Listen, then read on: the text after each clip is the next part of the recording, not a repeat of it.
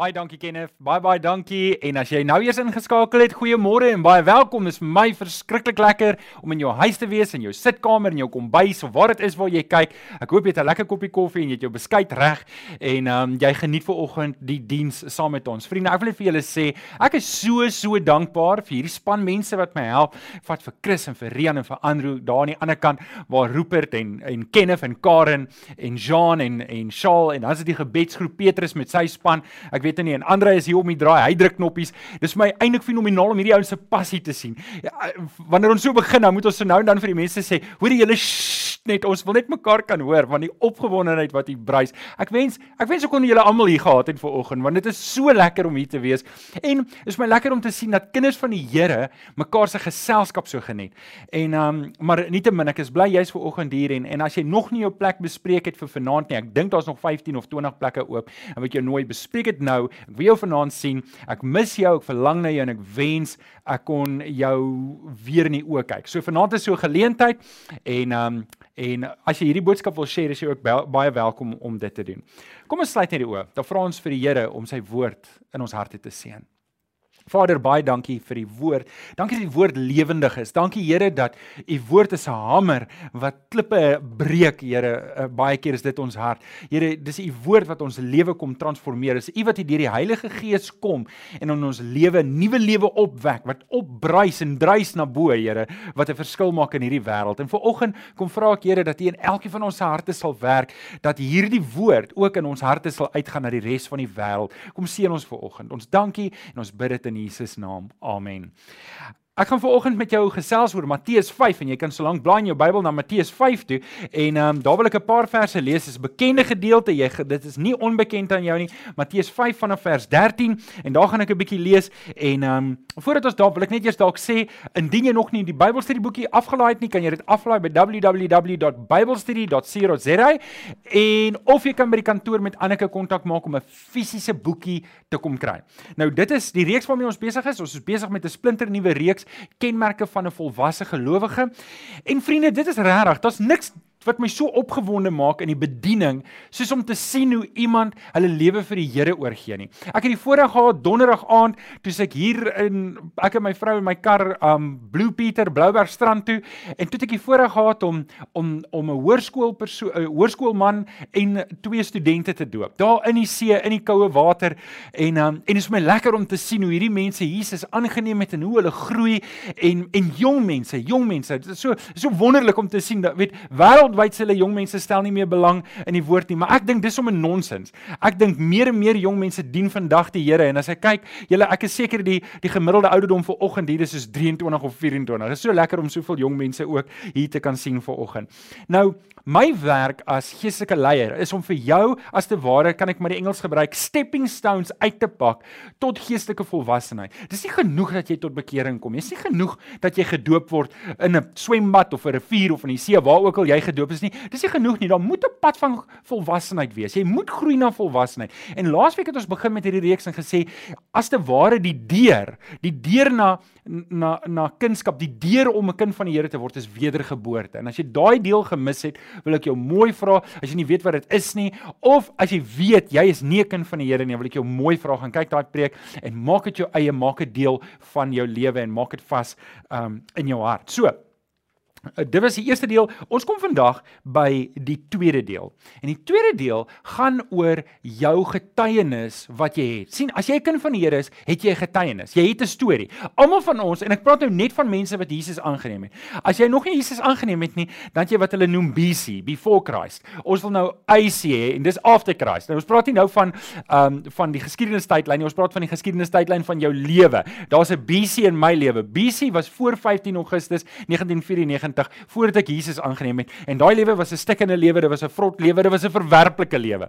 Maar na daai dag, eisie, toe ek Jesus Christus aangeneem, sy kruis en sy dood het vir my 'n realiteit geword en daarna het ek 'n lewe vir Christus. Nou, net eers hier pause en vir jou vra. As jy nog nie Jesus aangeneem het nie, moet jy weet, dit is die eerste stap. Die res van hierdie reeks gaan vir jou niks beteken nie. Jy gaan dit nie verstaan as jy nie daai eerste stap geneem het nie. Maar as jy weet, jy, jy het Jesus aangeneem, jy's weergebore en dit verskil. Party mense het hierdie dramatiese bekering gehad. Ander het nie 'n dramatiese bekering gehad nie, hulle het maar net hulle harte oorgegee vir die Here. En ander van julle het oor tydperk, jy het groot geword in 'n huis, maar jy het nie twyfel dat jy 'n kind van die Here is nie. Jy weet dat jy 'n kind van die Here is. En maak nie nie saak hoe jy tot bekering gekom het of hoe jy Jesus leer ken het nie. Jy het 'n lewensstorie. Jy jy het lewenslesse wat jy kan deel. Jy het lewenspassie en jy het 'n verhaal van hoe jy Jesus aangeneem het. En weet jy wat, jou storie klink dalk anders as my storie, maar my storie is nie beter as jou storie nie. My storie is my storie en jou storie is jou storie. En ek hoop so die Here help my vanoggend en dis wat ek bid dat die Here my help.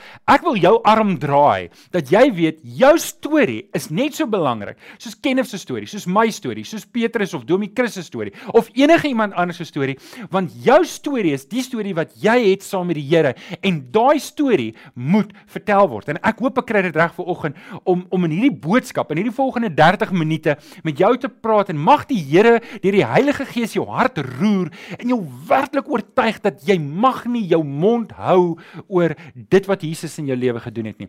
En jy het nie 'n teologiese graad nodig nie. Jy het nie nodig om te gaan swat in teologie om om om te mag getuig nie. Jy mag, jy moet net jou mond oopmaak en praat en net begin getuig en dis waar ek vanoggend met jou wil praat. So ek wil eers begin met hierdie een vers. 1 Johannes 5 vers 10 sê wie in die seun van God glo. Nou wil ek eers net daar stop. Glo jy in die seun van God?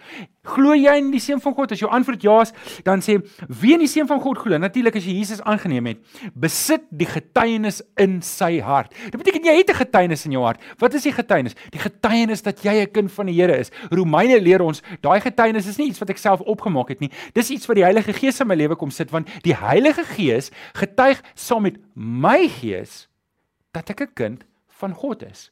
Dis hoe jy weet jy's 'n kind van God. As die Heilige Gees nie dit in jou hart getuig nie, dan is dit net nie so nie. En en dis dis hoe ons dit weet. So ek bid sodat die Here vir my help. Dit maak nie saak of jy 7 is en of jy 70 is nie. Jy het 'n storie en jy het 'n storie om te vertel.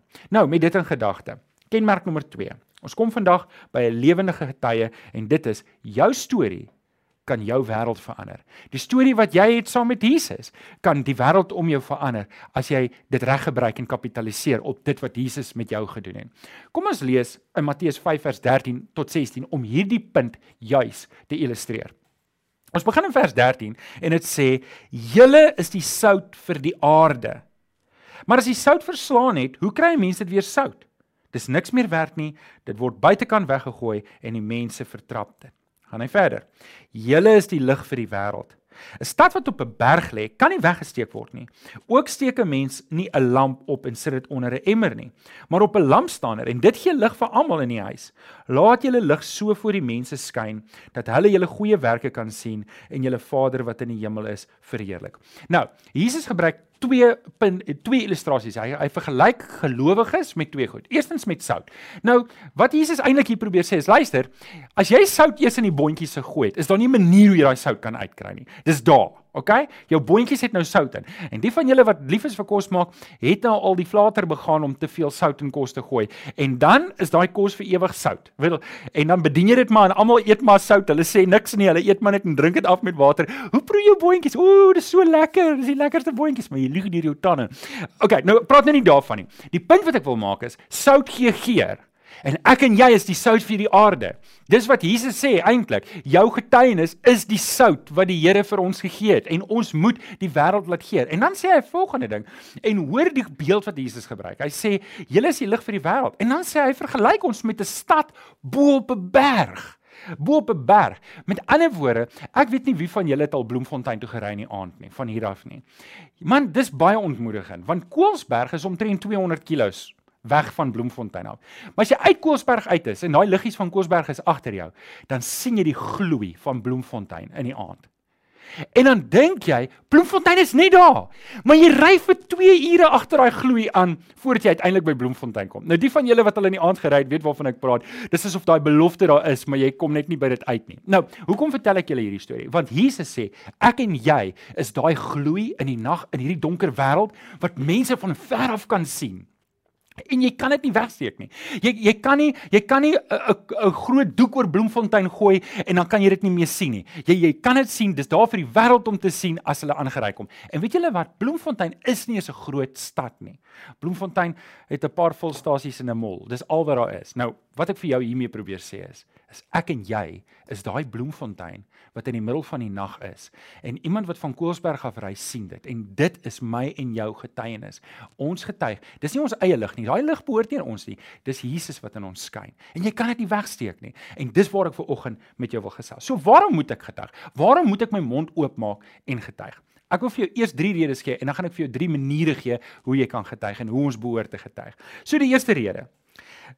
Hoekom moet ons getuig? Wel, Jesus verwag dit van ons. Jesus verwag dit. Jesus verwag dit van my om te getuig. Jesus verwag dit van jou om te getuig. Jesus gee 'n opdrag. In Matteus 28 vers 19 tot 20 staan daar uitdruklik: "Gaan dan na al die nasies toe en maak die mense my disippels." En dan gaan dit nou verder. Ek en jy het 'n opdrag van Jesus. Hierdie opdrag was nie net vir die 11 wat by Jesus was op daai stadium nie. Dis vir almal van ons. Dis vir almal van ons. Hoor net mooi. Jesus sê vir hulle: "Gaan na die wêreld toe, maak hulle disippels, leer hulle alles wat ek julle beveel het." Met ander woorde, Jesus sê vir hulle: maak disippels wat ons altyd in die kerk sê. Wat? Wat iemand net sê. Disippels maak? Wat? Disippels maak. So daai opdrag gaan oor van generasie na generasie en daai opdrag is vandag aan ons gegee. Nou, die teks hierso is dit baie duidelik dat Jesus sê vir sy disippels nie hoe die gaan na 'n sekere punt in die wêreld en gaan verkondig die evangelie nie. Nee nee nee, hierdie is soos wat jy gaan, want jy kan nou sê maar Johan, ek's 'n sendeling. Ek gaan nie Japan toe kan gaan nie. My werk laat my nie toe nie of ek kan nie na 'n ander plek toe gaan in die wêreld nie. Maar dis nie wat Jesus hier sê nie. Eintlik wat hierdie vers as jy hom wou reg vertaal, dan sê hy gesê, soos julle gaan deur hierdie wêreld en in hierdie wêreld in, verkondig die evangelie evangelie. Vertel mense van Jesus. Gaan gaan daar waar jy is en maak disippels. Daar waar jy is, dalk werk jy. Ek weet nie waar jy werk nie. Dalk is jy onderwyser, dalk is jy 'n dokter, dalk is dit is jy 'n finansiële adviseur. Ek weet nie waar jy is nie, maar daar waar jy is, werk jy met mense en met daai mense wat jy werk, moet ek en jy getuig. Dis 'n opdrag wat Jesus nie net vir hulle gegee het nie, hy het 'n opdrag vir jou gegee en hy daai opdrag vir my gegee. Ons moet Jesus verkondig. Hoor gou-gou. Dis nie 'n plan om mense vir Jesus te wen nie. Dis die plan om mense vir Jesus te wen. OK. Dis die eerste rede. Waarom moet ons getuig? Rede nommer 1, want dit is 'n opdrag van Jesus. Die tweede op die tweede rede hoekom ons moet getuig is want my getuienis wys dat ek gered is. My getuienis wys ek dat ek gered is. Romeine 10 vers 9 sê as jy met jou mond bely dat Jesus die Here is en met jou hart glo dat God hom uit die dood uit opgewek het, sal jy gered word. Wat Jesus eintlik hier sê is, Jesus sê in hierdie verhaal in wat hy sê van julle is die sout en julle is die lig. Hoor net gou hierdie gedagte. Sout probeer nie sout wees nie. Dis hoekom hy sê as sout laf geword het, dan is dit nie meer sout nie. Hy praat nie van hy praat nie van dit nie. Hy praat van sout is sout. Jy kan jy kan jy kan nie sê sout is nie sout nie. Net soos die lig is 'n lig. 'n Stad bo op 'n berg is daar. Jy kan niks aan doen nie. Dis hoe dit is. Net so ek en jy gaan probeer nie om sout te wees vir die wêreld nie. Ons is dit reeds. Ons het reeds die getuienis. Die probleem is daar's net een rede hoekom jy nie sal sout uitgee nie. Hoekom jy nie 'n smaak van sout sal gee nie. Wil jy raai hoekom? Want jy is nie sout nie. Dis die enigste rede. Jy's lawwe sout, jy jy lyk dalk so sout, maar jy is nie sout nie. En in hierdie konteks sal dit wees jy het nie 'n getuienis nie, want jy het nog nie vir Jesus nie. Jy het nog nie Jesus aangeneem nie. Dis die enigste rede hoekom jy nie 'n getuienis sal hê nie. Want as jy Jesus ken, dan het jy 'n getuienis.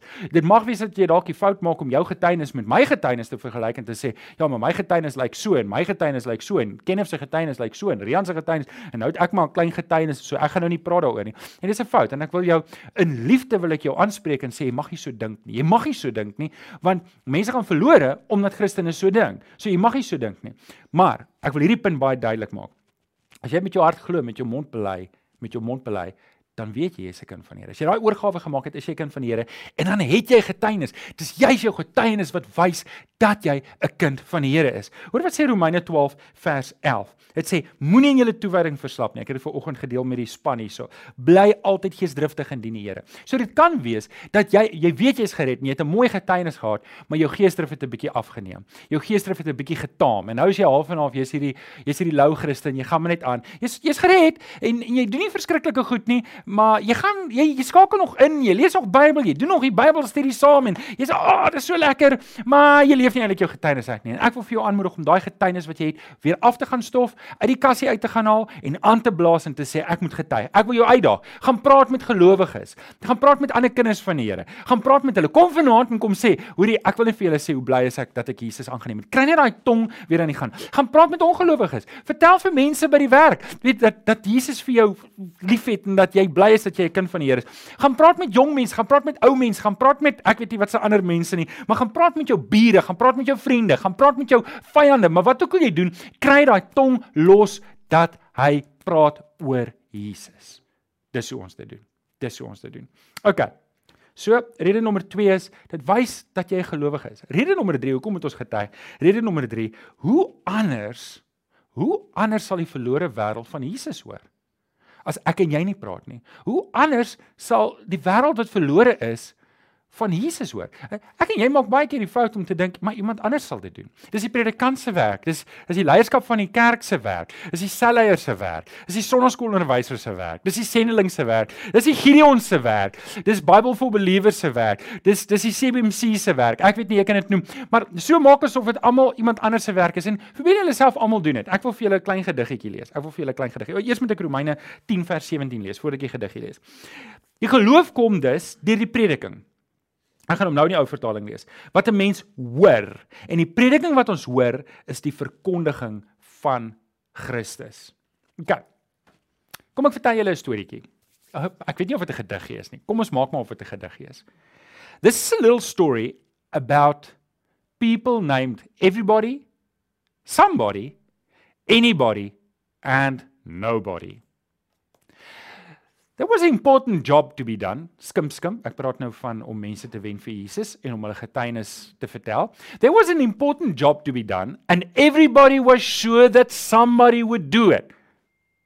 Anybody could have done it, but nobody did it. Somebody got got angry about that because it was everybody's job.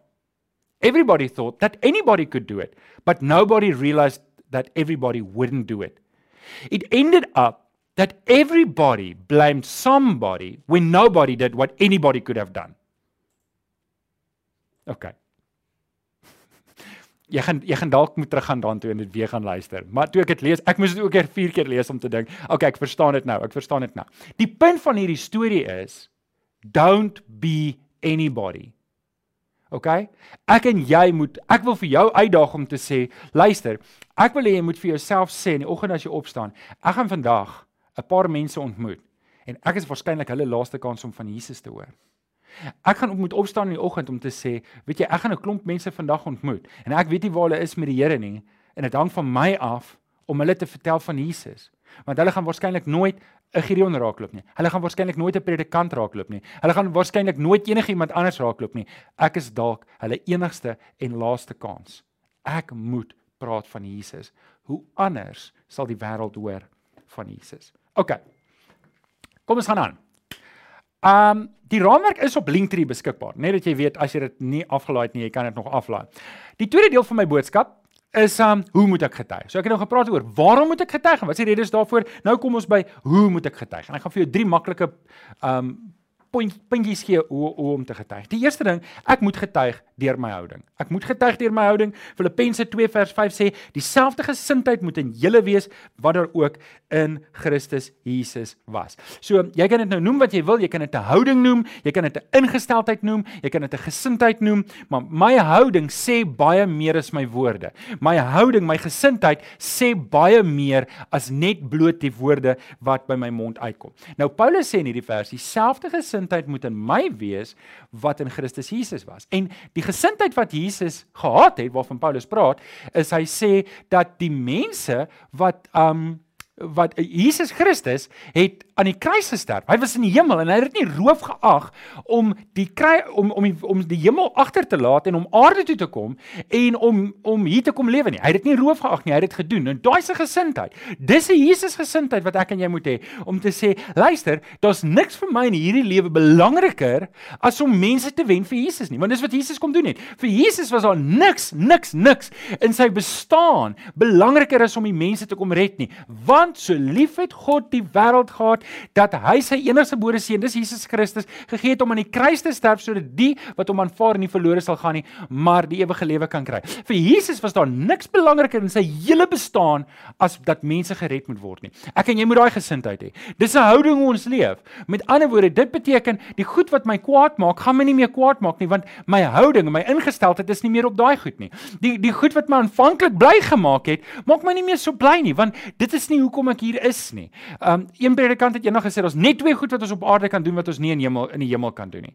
En die eerste ding is, ons kan mense ons kan sondaars vertel van Jesus en die tweede ding is ons kan sonde doen. Nou vir watter rede dink jy die Here ons hier gelos op die aarde? Beslis nie om sonde te doen nie. OK, so maar dis net 'n punt wat hy maak. Nou Jesus het dit nie as roof geag om die hemel agter te laat nie. Net so moet ek en jy nie enigiets as roof ag om daai volgende stap te neem om mense vir Jesus te wen nie. Dit moet ons dit moet ons ingesteldheid wees. Dit moet ons houding wees. Dit moet ons gesindheid wees. Dis dis hoe ons ons lewe moet instel vir die Here. OK, so, nommer 2. Hoe moet ek getuig? Wel, die eerste een is ek moet dit doen met deur my houding in hierdie lewe. Die tweede manier is deur my aksies. Ek moet dit doen deur my aksies. Matteus 5:16 wat ons vroeër gelees het, laat julle lig so vir die mense skyn dat hulle julle goeie werke kan sien en julle Vader wat in die hemel is verheerlik. Nou net soos met my gesindheid, net soos met my houding, dit spreek my my aksie spreek baie action speaks louder than words. Ons ken die gesegde. So my aksie en my houding, die twee gaan saam.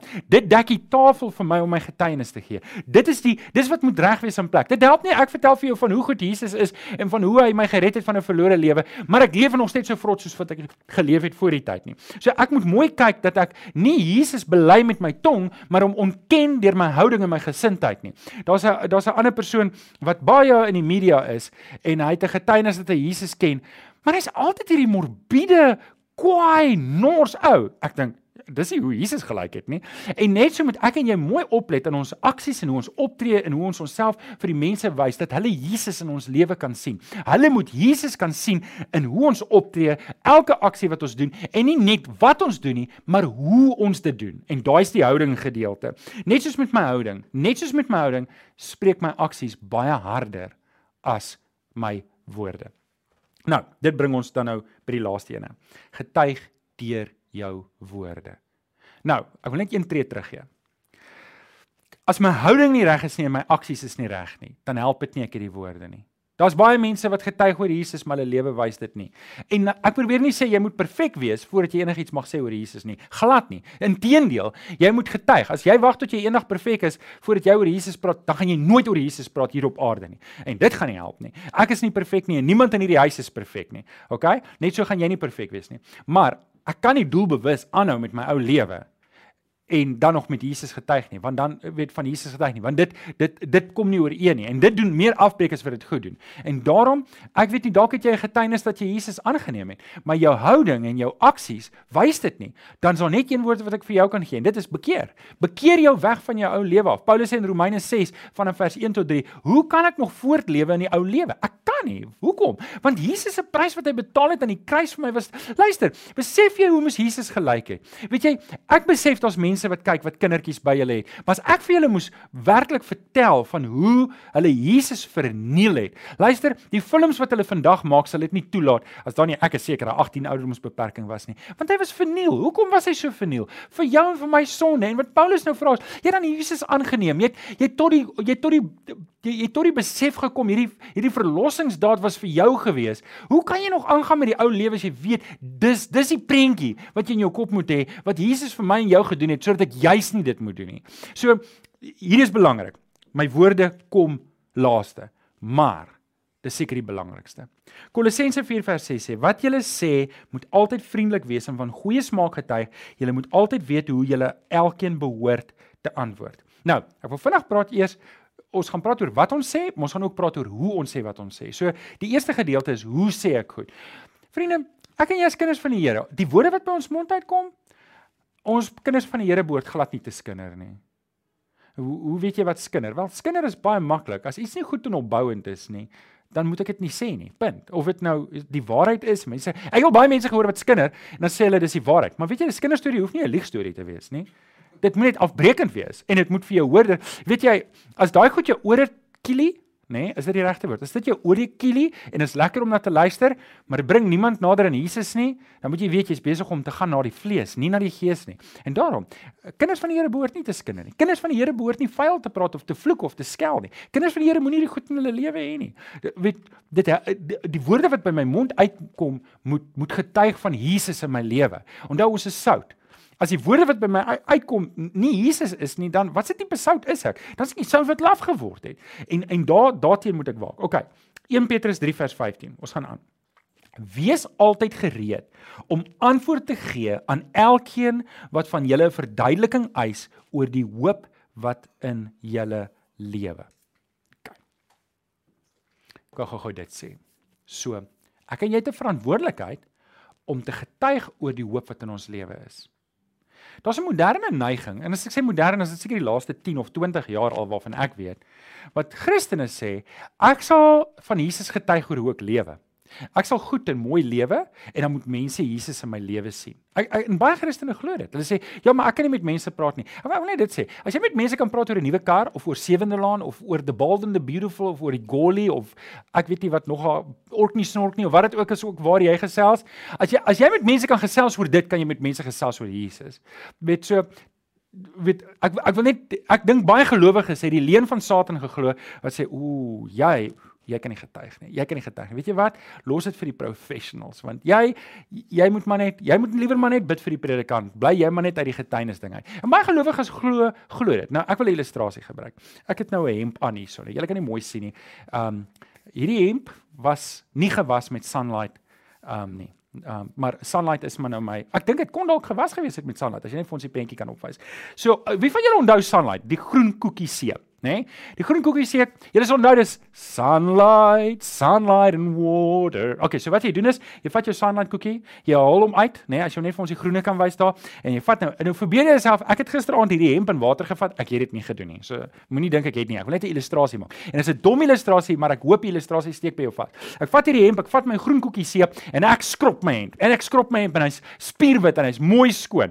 Ek het altyd gewonder, hoe kan 'n groen koekie seep 'n wit hemp witter maak? Ek weet nie. Ek weet nou nog nie, maar ek probeer my nie te veel te bemoei met dit nie. Maar nou is my hemp mooi skoon. En nou hang ek hom op gisteraand en hy's droog en ek trek hom vanoggend aan en ek besluit ek gaan hier rondloop met my mooi skoon hemp en vir julle pou, soos 'n pou rond staan en pronk hier met my mooi hemp en ek verwag julle moet net kan sien deur my mooi hemp dat ek dit met sunlight gewas het. Dit gaan nie so gebeur nie. Jy gaan net sê ek het 'n mooi hemp aan, maar jy gaan nie jy gaan nie kan sien verder as dit dat dit sunlight is wat hom skoon gemaak het nie. Nou vriende, ek weet dis 'n dom illustrasie, maar hou net vas vir my vir 'n oomblik. As jy Jesus aangeneem het en jy lewe goed en jy verwag dat mense Jesus by jou moet sien, dan is jy amper kan ek sê 'n sunlight Christen. Jy probeer jy probeer iets wys sonder om dit te sê. As ek dit nie vir jou sê nie, gaan jy dit nie weet nie. En net so, luister mooi, niemand kan tot bekering kom deur jou mooi lewe nie. Niemand kan tot by Jesus kom deurdat jy mooi lewe nie. Dis om met 'n ander man se kalvers te proeg. Jy lewe goed en reg en almal dink, "O, jy's so mooi en jy's so great." Maar eintlik is dit nie eens jou skuld nie. Jesus het dit aan jou kom doen. En dit is hoekom ek en jy moet getuig. Ons moet ons mond oopmaak. Die ou vertaling sê dit so mooi in Romeine 10 vers 17. En ek dink nie ek het hom vir julle op die skerm nie, maar dit sê die geloof is dis uit die gehoor en die gehoor is deur die woord van God. So wat sê hierdie vers? Hoe sal iemand glo as hy nie die woord gehoor het nie? Hoe sal iemand die woord hoor as niemand dit vir hom sê nie? Ek en jy die verantwoordelikheid om met mense te praat. Hier is 'n belangrike taak wat op my en op jou rus. Ons moet mense vertel van Jesus. Ons moet. Dis my en jou werk. Ek wil hê jy moet verstaan. Ek wil hê, ek wil jou uitdaag. En dis wat ek hoop die Here kry reg. Ek wil jou arm draai dat jy moet kyk na hierdie lewe. Jy moet maak of dit net ek of jy is. Maak vir 'n oomblik dat dit net ek Johan en jy wie ook al jou naam is, dat dit net ek en jy is wat hierdie wêreld moet vertel van Jesus en ek is op hierdie oomblik op op um op preek duty so ek vertel nie op hierdie oomblik iemand anders daar buite nie. So dit los net jou om mense te vertel van Jesus. Ek wil hierom met daai dringendheid by ons wees dat mense gaan verlore omdat ons nie praat nie. En en en, en laat toe dat die Gees deur jou werk. Laat toe dat die Heilige Gees in jou hart werk dat jou dat jou houding verander teenoor ander mense, dat jou dat jou aksie so is. Stel dit in en, en ek wil 'n paar voorstelle maak. Jo, ek het vergeet om te doen. Ons het 'n boekie wat sê kunskap. Um kom kry 'n paar van daai boekies by die kantoor en gaan gaan gee dit vir iemand wat jy weet. Ons gaan kunskap nou Ria uh, Ria Smit het dit vir ons vertaal in Engels. Ek kan nie wag dat dit uitkom nie. Dankie Ria vir jou moeite. Um ons gaan hom uitbring in Engels ook. Ons het kunskap mini. Ek ek wil hê jy moet 'n kunskap mini kom haal. Ek wil jou uitdaag om 'n vriend van die Gideon te word. Dit kos jou R200 'n maand. Dan stuur hulle elke kwartaal 3 Bybeltjies vir jou, Engelse Bybels. Dis 'n begin om dan 'n Bybeltjie, dan hou jy daai 3 Bybeltjies in jou kar. Weet jy, ek verstom my oor hoeveel mense petroljoggies. Um mense wat by huise werk en stryk. Uh, Oral waar kom, is daar mense wat net nie Bybels het nie. En en dan het jy 'n Bybeltjie en voor in die Bybel kan jy vir die persoon sê, hier skryf jy jou naam en agteraan sê, sien hierdie verse. Dit sal vir jou vertel hoe om by Jesus uit te kom. Met ander woorde, jy hoef nie eers jy hoef nie 'n predikant te wees nie. Jy hoef nie 'n graad in teologie te hê nie. Al wat jy moet hê is 'n bietjie gewilligheid, bereidwilligheid om iemand te vertel van Jesus. Ek kom pleit vir oggend by jou. Ek kom pleit. Dalk sê Johan, jy het nou my met koue water gegooi. Ek weet nie of ek dit kan doen nie. Ek wil jou vra om net 'n een klein stappie te neem. Net een klein stappie, wat dit ook al is. Al is dit net dat jy 'n boekie iewers gaan los waar iemand dit anders kan kry. Begin net. Moenie net nie nog 'n dag uitstel, nog 'n week uitstel, nog 'n maand uitstel wat jy jou storie vir jouself hou nie. Begin. Kry 'n plan en plek in jou lewe wat jy deurgaans besig is om mense te vertel van Jesus. Vriende, dit gaan nie oor Tygerberg Gesinskerk nie. Dit gaan oor die koninkryk van die Here. Dit gaan nie eers oor ons generasie nie. Dit gaan oor die wêreld op buitekant wat Jesus moet aanneem en ek en jy te taak. As ek kan afsluit weer met daai gediggie, die gedagte daarvan. Ons moenie ons moenie 'n anybody wees wat dink iemand anders gaan dit doen en op die einde van die dag doen niemand dit nie. Om te getuig is een van die tekens van 'n volwasse gelowige.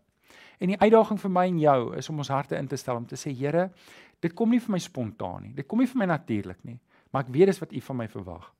Help my. Weet jy vriende, jy sal verstom wees. Jy gaan klein begin. En wanneer jy 'n klein bietjie vir die Heilige Gees gee, dan maak hy dit baie. En voordat jy jouself kry, is jy in 'n gewoonte om mense te vertel van Jesus. Onthou, die Here roep jou nie om ander mense te bekeer nie. Dis sy werk. Hy roep jou net om te vertel en te getuig. Kom ek bid vir jou. Here, baie dankie. Baie dankie vir die grootheid en die liefde en die genade. Here, U weet wie's ingeskakel. U weet wie sit en luister nou en sê maar ek ken nie Jesus nie. Dan wil vra dat U die werk sal kom doen in daardie persoon se lewe ook, Here. Maar kom vra ook Here dat hier's mense wat al jare die Here dien, wat al lankal gered is deur U, maar hulle getuig nie. En ek wil vra deur die Heilige Gees dat U die oortuigwerk vir oggend sal kom doen om mense te vertel. Ons vra dit mooi en ons bid dit in Jesus naam. Amen. Amen. Kom ons kom ons aanbid die Here deur hierdie volgende lied.